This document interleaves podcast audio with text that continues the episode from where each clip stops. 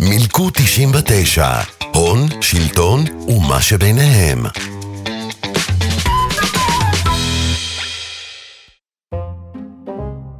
היי, אתם מאזינות ומאזינים לפרק של מלכוד 99. אני כרמל, והיום נדבר על פנסיה. יותר נכון, היום נדבר על איך לובי 99 מגן על כספי הפנסיה של הציבור. שנייה לפני שנתחיל, בקשה.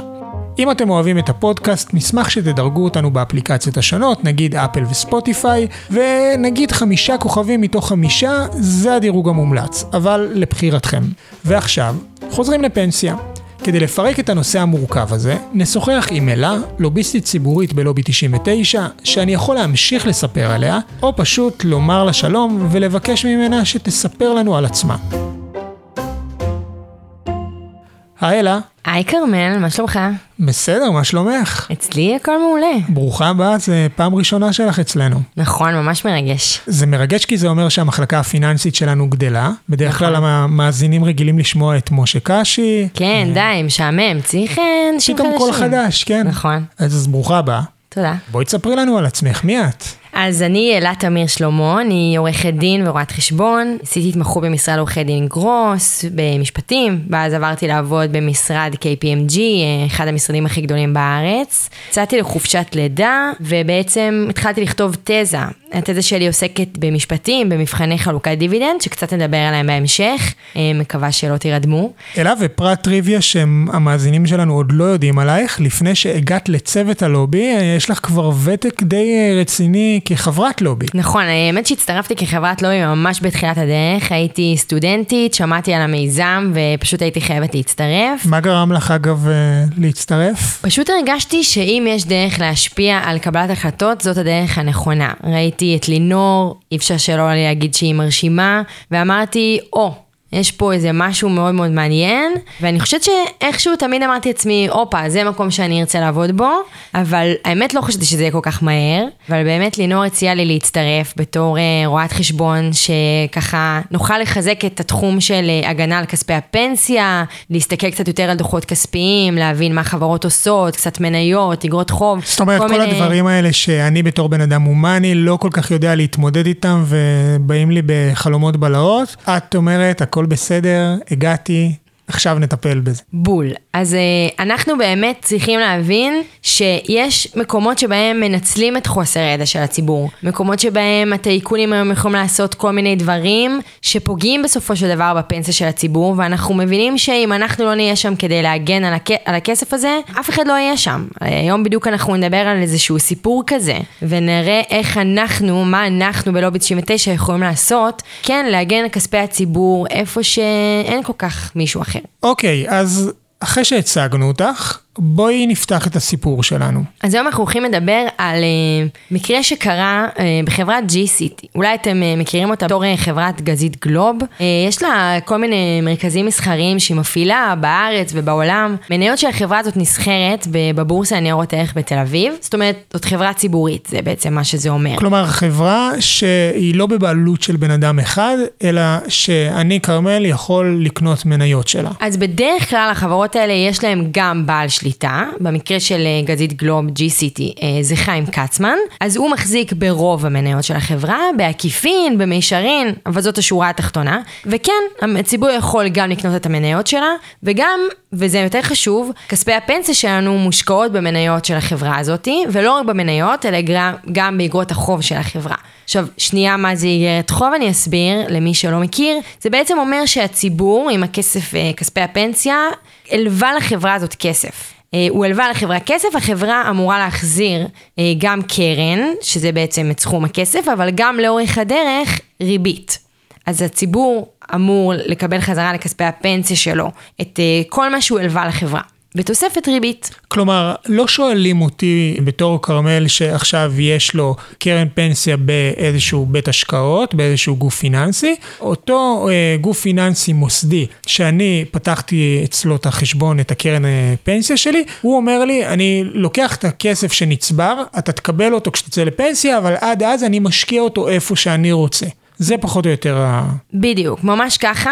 יותר מזה, אתה גם בדרך כלל לא תדע אפילו באיזה מניות או באיזה אגרות חוב הכסף הושקע. אבל בשורה התחתונה, מנהלי הכספים בגופים המוסדיים הם אלה שעושים את ההשקעות בשביל באמת להשיג את התשואה הכי טובה לפנסיה שלך.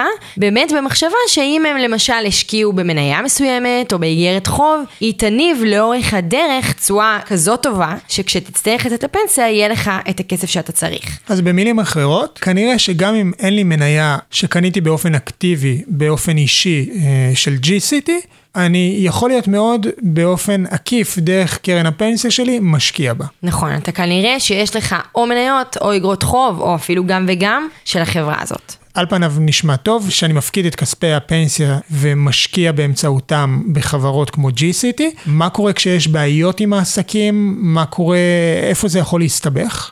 אז זאת בדיוק השאלה, וזה בדיוק מה שאנחנו שמנו לב שקרה מאוד מעניין בחברת G-City. ברגע שהעסקים של החברה קצת נפגעים, למשל אה, בעקבות הקורונה אנחנו יודעים שיש הרבה חברות שהעסקים שלהם נפגעו, עכשיו אנחנו רואים שיש אה, כל מיני ירידות בבורסה. מה זה בעצם אומר? זה אומר שהמצב של החברה הוא אולי הולך ומידרדר, אולי יש סכנה שהחברה לא תוכל להחזיר חלק מהכספים שהיא לוותה, ואז מי נפגע כאן במצב כזה? כמובן, הציבור. כמו שאמרנו, כשהכספי כספי פנסיה מושקעים באגרות חוב, זה בעצם אומר שהציבור הוא זה שהלווה כסף לחברה. ואם יש סיכון שהיא לא תוכל להחזיר את הכסף הזה, אז יש כאן בעיה. עכשיו, במקרה של GCT אנחנו באמת ראינו שהשוק התחיל לאבד אמון בחברה. תשמעו משהו מרתיח. הבוקר יצאה הודעה בלתי נתפסת שחברת JCT, שאמורה להחזיר חוב עצום של עשרה וחצי מיליארד ש"ח, מחלקת 60 מיליון שקל דיבידנד לבעלי המניות שלה כדי להציל את הפירמידה הממונפת של בעל השליטה בחברה חיים כצמן. באמת, אחרי כמה דוחות וכמה תקופות שהרווחים של החברה נפגעו. באיזשהו מקום מדובר ב, בסיכון שאני לוקח כשאני משקיע בקרן פנסיה, שאני יודע שהכסף מושקע במקום אחר. את הזכרת את הקורונה, אז כאילו, ברור שמניות יורדות, ש... כי הן נפגעות מכל מיני סיבות. מה אנחנו, איך אנחנו בעצם יכולים לשלוט בזה, אה, ובעצם לעצור את אותה הידרדרות של אה, היעלמות הכסף שלנו, נקרא לזה ככה. איך אנחנו בעצם עוצרים את זה כדי שלא נגיע למצב שהחברה לא יכולה להחזיר את הכסף. אני מניח שאני כחוסך לפנסיה לא יכול לעשות את זה עצמאית. נכון, אז אתה באופן עצמאי ישירות לא באמת יכול לעשות את זה, כי מה שקורה היום לפי החוק, אנחנו בתור החוסכים, אנחנו לא אלה שיכולים להפעיל את הזכויות האלה, כאשר באמת יש בעיה עם ההתנהלות של החברה. מי שכן יכול לעשות את זה, זה המוסדיים, אותם גופים שמנהלים את הפנסיות. אבל לפעמים... אוקיי, okay, אולי, אולי כדי להוריד את זה לקרקע, שתיים, שלוש אה, דוגמאות לגופים מוסדיים שנמצאים היום בישראל. אוקיי, okay, אז בואו נזכיר בעצם את השמות של הגופים המוסדיים שהשם שלהם עוד יעלה כאן בהמשך, שזה הפניקס, אה, יש את אה, מור, יש, בטח כולם מכירים אלטשולר שחם, אחד מהבתי ההשקעות הגדולים, אחד מגופי הפנסיה הגדולים. אוקיי, okay, אז כשאנחנו אומרים גוף מוסדי, זה אותם הגופים האלו שאנחנו שמים שם את הכסף שלנו והם מושקעים. בדיוק. יאללה, השארנו קו, בואי נמשיך. אז בשורה התחתונה, באמת כשהמצב של החברה מידרדר ואנחנו אומרים, אוקיי, המניות יורדות, נכון, זה איזשהו סיכון. אבל אני רוצה שנייה לחזור לעניין הזה שיש גם אגרות חוב. אגרות החוב האלה בעצם, אנחנו הלווינו כסף לחברה, והחברה אמורה לעשות כל מה שהיא יכולה כדי להבטיח שכשהיא תצטרך לשלם את הריבית ואת הקרן, יהיה לה את הכסף הזה. במקרה שבו, למשל, חברת G-City, המצב שלה קצת הלך והידרדר, הרווחים שלה ירדו, התחיל להיות חשש שהיא לא תוכל לעמוד בתשלומים. ובאמת, אנחנו ראינו שגם השוק, שוק ההון, הבורסה שבה הניירות ערך נסחרים, התחיל לאבד אמון בחברה. פה בעצם אנחנו נכנסנו לסיפור. אנחנו ציפינו מהחברה בנקודת הזמן הזאת לעשות את כל מה שהיא יכולה כדי להחזיר את האמון. אנחנו עכשיו, הציבור, כמי שהלווה את הכסף הזה, היינו מצפים שהחברה תראה, הנה, יש לי את הכסף להחזיר לכם, אני אוכל לעמוד בהחזרים. בפועל מה שקרה זה שהיא עשתה בדיוק את ההפך. אז מצד אחד ציפינו שהיא תגייס אולי יותר הון, היא תגדיל את המזומן שיש לה בקופה כדי להבטיח שיהיה לה את הכסף להחזיר. ציפינו שהיא אולי תמכור נכסים, נכסים שלא בהכרח מניבים לה הכנסות כמו שהיא הייתה מצפה. אבל מה היא עשתה בפועל? היא חילקה דיבידנד. מה זה דיבידנד? דיבידנד זה בעצם אומר שהחברה לוקחת את הרווחים שהיא הרוויחה, ומחלקת אותם מזומן לבעלי המניות שלה. עכשיו, מי אמרנו שהוא בעל המניות הגדול ביותר בג'י-סיטי? חיים כצמן. כצמן הוא באמת בעל השליטה, אבל אה, הוא לא רק בעל השליטה, הוא גם המנכ"ל של החברה, הוא גם עומד בראש הדירקטוריון של החברה, שבעצם אישר את החלטת חלוקת הדיבידנד. זאת אומרת, זה מרגיש לי איזשהו ניגוד עניינים. יש פה איזשהו ניגוד עניינים שהחוק מרשה אותו. מי שבעצם אמור לשמור גם על האינטרסים של בעלי החוב, על האינטרסים של החברה בכללותה, זה הדירקטורים. הדירקטורים לא אמורים לאשר החלטה רק בגלל שהיא טובה לבעל השליטה. ובמקרה הזה אנחנו רואים שהניגוד העניינים הזה כנראה קצת השפיע שם על קבלת ההחלטות. כי בסופו של דבר מי שהכי נהנה מהדיבידנד, בגלל שהוא מחזיק בהכי הרבה מניות, הוא גם זה שהיה שותף ואפילו הוביל את ההחלטה לחלק את הדיבידנד. שהוא המנכ"ל וראש הדירקטוריון. בדיוק. ובעל השליטה הגדול, בדיוק. חיים כצמן. אז uh, גילינו עוד דבר מעניין, קצמן הוא לא מחזיק בחברת GCT ישירות, הוא מחזיק ב-GCT באמצעות חברה ציבורית אחרת. זוכרים החברות האלה שהמניות שלהן נסחרות? אז היא, מסתבר, במצב פיננסי אפילו יותר גרוע מהמצב של GCT. זאת אומרת, המוטיבציה שלו לחלק את הדיבידנד הייתה בגלל שהוא מבין שעוד חברה נוספת שבה הוא מחזיק, המצב שלה אפילו לא, אפילו יותר גרוע. בעצם מה שצריך לזכור במקרה הזה, ואנחנו רואים את זה בהרבה מקרים אחרים, מי שהייתה לו את המוטיבציה הכי גדולה לקבל את הכסף, הוא מי שכמעט ולא יפסיד אם החברה לא תעמוד בתשלומי ההלוואות. ופה אולי הנקודה הכי חשובה לנו כציבור שחוסך בפנסיה. עכשיו, מה שאנחנו אמורים לצפות זה שהמוסדיים יהיו אלה שיפעלו במקרים כאלה, ויבואו לחברה ויגידו לה, רגע, רגע, מה, מה את עושה? הסיכון שלא תחזירי את הכסף לבעלי פנסיה, שאני בעצם השקעתי את הכסף עבורם, הסיכון הזה הולך וגדל, ומה את עושה כדי להקטין את הסיכון? בטח שלא הולכת ומחלקת דיבידנד. עכשיו, נחזור להתחלה.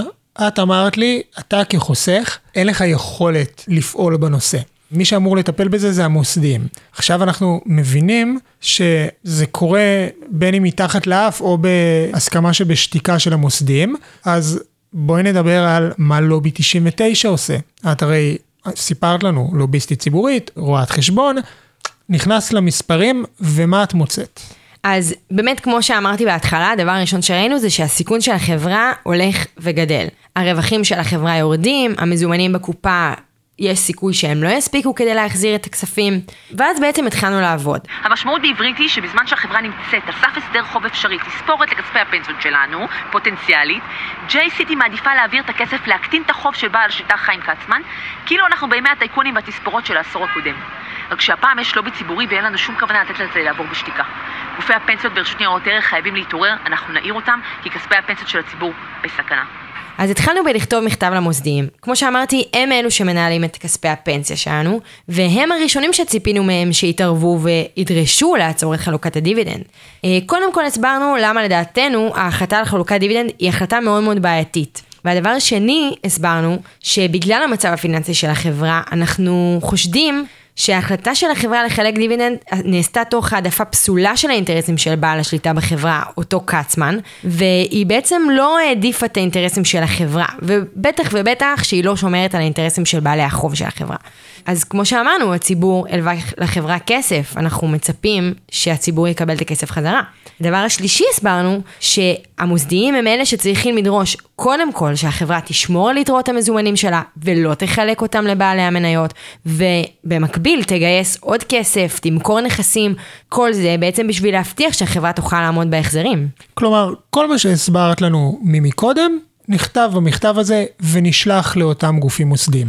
נכון, זה אותם גופים מוסדיים שראינו, ואנחנו יכולים לדעת את זה, ראינו שהם מחזיקים, באמצעות כספי הפנסיה של הציבור, מחזיקים באגרות החוב של GCT. ואיך הגופים המוסדיים הגיבו למכתב?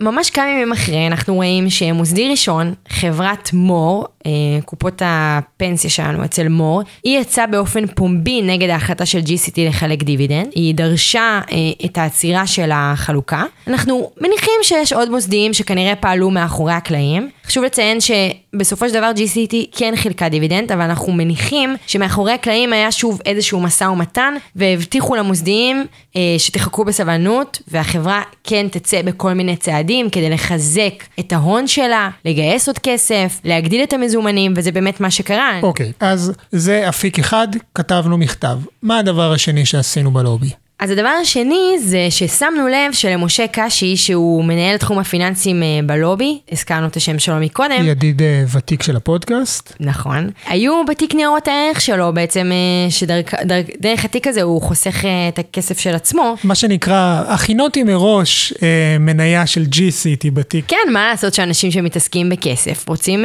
להשקיע במניות ואגרות חוב, כשהן אמורות להניב תשואה טובה ויפה. אוקיי, וכשהיא לא מניבה, אז משתמשים בה לדברים אחרים. נכון, במקרה הזה האינטרסים אה, משותפים. אה, פרסמנו הודעת עמדה, שזאת בעצם הודעה שמי שיש לו מניות יכול לפרסם לקראת כינוס של אספה כללית. אספה כללית זה התכנסות של אה, בעלי המניות של החברה, שעולים להצבעה כל מיני נושאים, ובמסגרת הודעת העמדה הוא יכול היה לכתוב, אנחנו, בעצם יכלנו לכתוב מה הדעה שלנו על ההצעות שאמורות לעלות להצבעה באספה הקרובה. אז מה, מה באמת הייתה ההצעה הרלוונטית? ראינו שיש הצבעה לחידוש המינוי של דירקטורים שמכהנים כבר היום בחברה.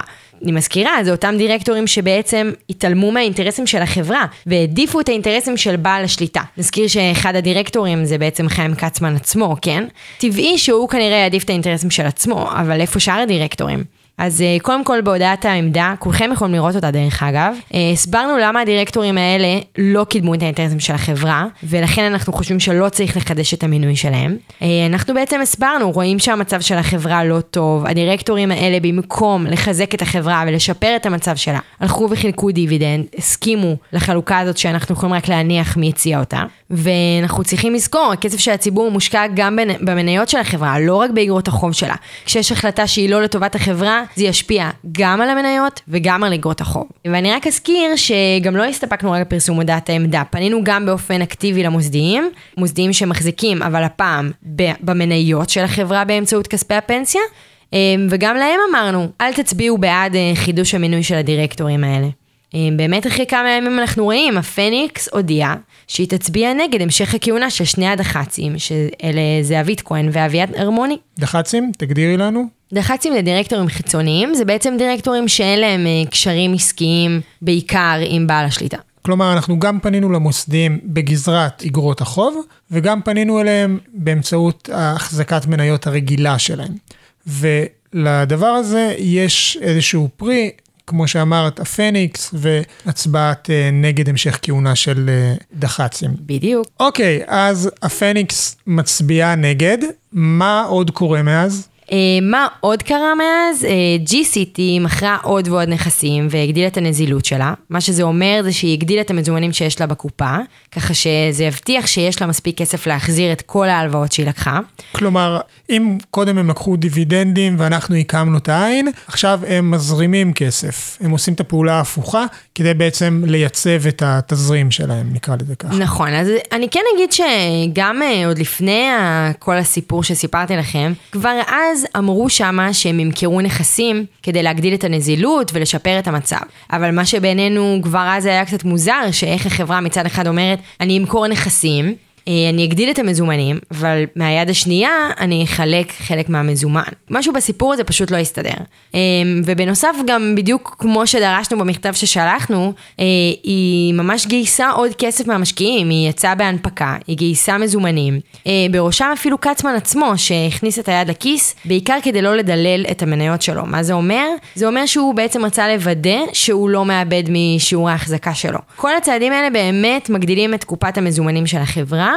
מקטינים את הסיכון, ולכן אנחנו מצפים שהם באמת יתרמו לכך שהחברה תוכל לעמוד בהחזרים של ההלוואות. אם אנחנו צריכים לסכם, אז מה השורה התחתונה של הסיפור? השורה התחתונה זה שצריך להגן על הכסף של הציבור. זה לא משנה אם הוא מושקע בפנסיות או מושקע בדרכים אחרות, וזה לא משנה אם זה הכסף שיש לנו בבנק. למוסדיים לא תמיד יש את המוטיבציה לעשות את זה, למרות שהם אלה שאמורים לעשות את זה.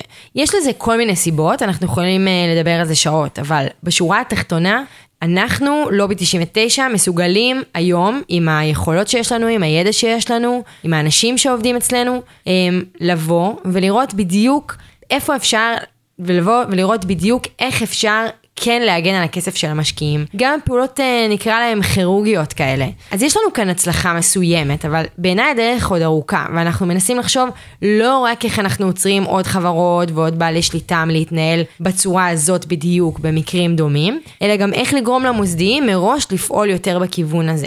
אה, זה רלוונטי בעוד מקרים, לא רק במקרה של חלוקת דיבידנד, אה, גם במקרים שבהם בעלי השליטה מבקשים לאשר כל מיני אה, תגמולים די מופרכים, בכל מיני עסקאות שהם מבקשים לאשר, שהעסקאות האלה הם הרבה פעמים בעיקר לטובתן.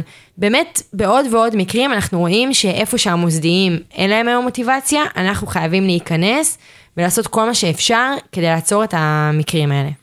וצריך גם להגיד, את אמרת את זה ככה ב, ברמיזה, אבל נשים את זה על השולחן, נכניס את זה לאוזניים של המאזינים שלנו. המקומות שבהם אנחנו נכנסים, זה המקומות שאף אחד לא נמצא בהם. זאת אומרת נכון.